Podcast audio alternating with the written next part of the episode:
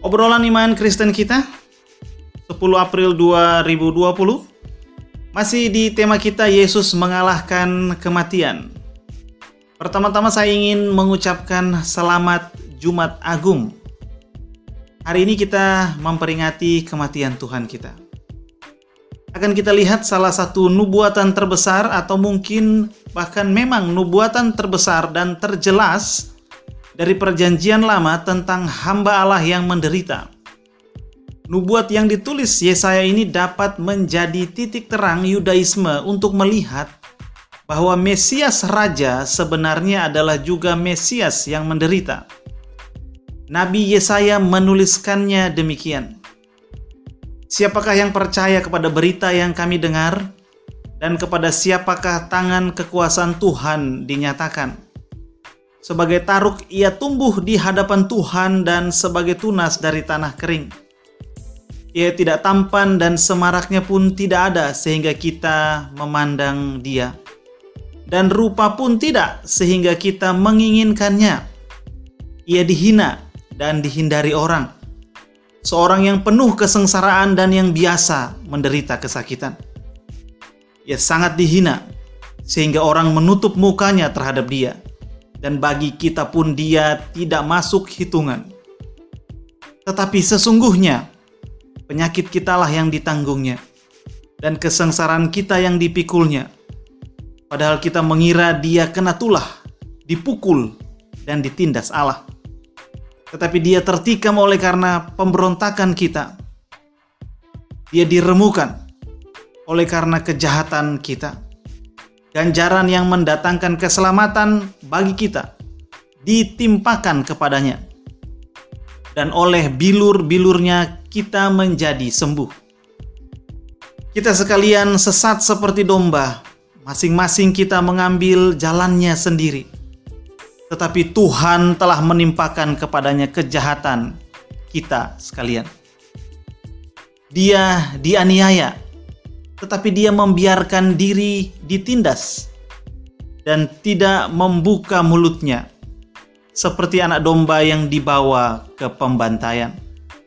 Seperti induk domba yang keluh di depan orang-orang yang menggunting bulunya. Ia tidak membuka mulutnya. Sesudah penahanan dan penghukuman ia terambil, dan tentang nasibnya, siapakah yang memikirkannya? Sungguh ia terputus dari negeri orang-orang hidup, dan karena pemberontakan umatku, ia kena tulah. Orang menempatkan kuburnya di antara orang-orang fasik, dan dalam matinya ia ada di antara penjahat-penjahat. Sekalipun ia tidak berbuat kekerasan dan tipu, tidak ada dalam mulutnya. Tetapi Tuhan berkehendak meremukan dia dengan kesakitan Apabila ia menyerahkan dirinya sebagai korban penebus salah, ia akan melihat keturunannya. Umurnya akan lanjut dan kehendak Tuhan akan terlaksana olehnya. Sesudah kesusahan jiwanya, ia akan melihat terang dan menjadi puas.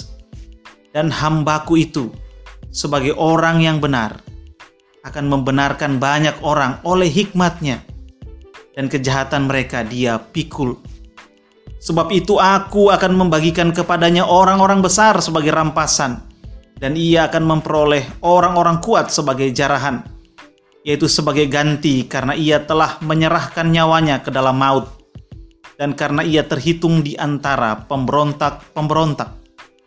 Sekalipun ia menanggung dosa banyak orang dan berdoa untuk pemberontak-pemberontak.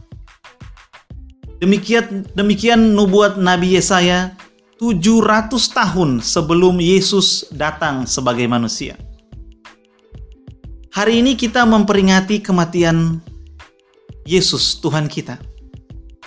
Dia benar-benar mati sesuai dengan yang dinubuatkan oleh Nabi Yesaya. Dia mati karena pemberontakan kita. Dia mati karena kesalahan kita dia mati karena dosa-dosa kita.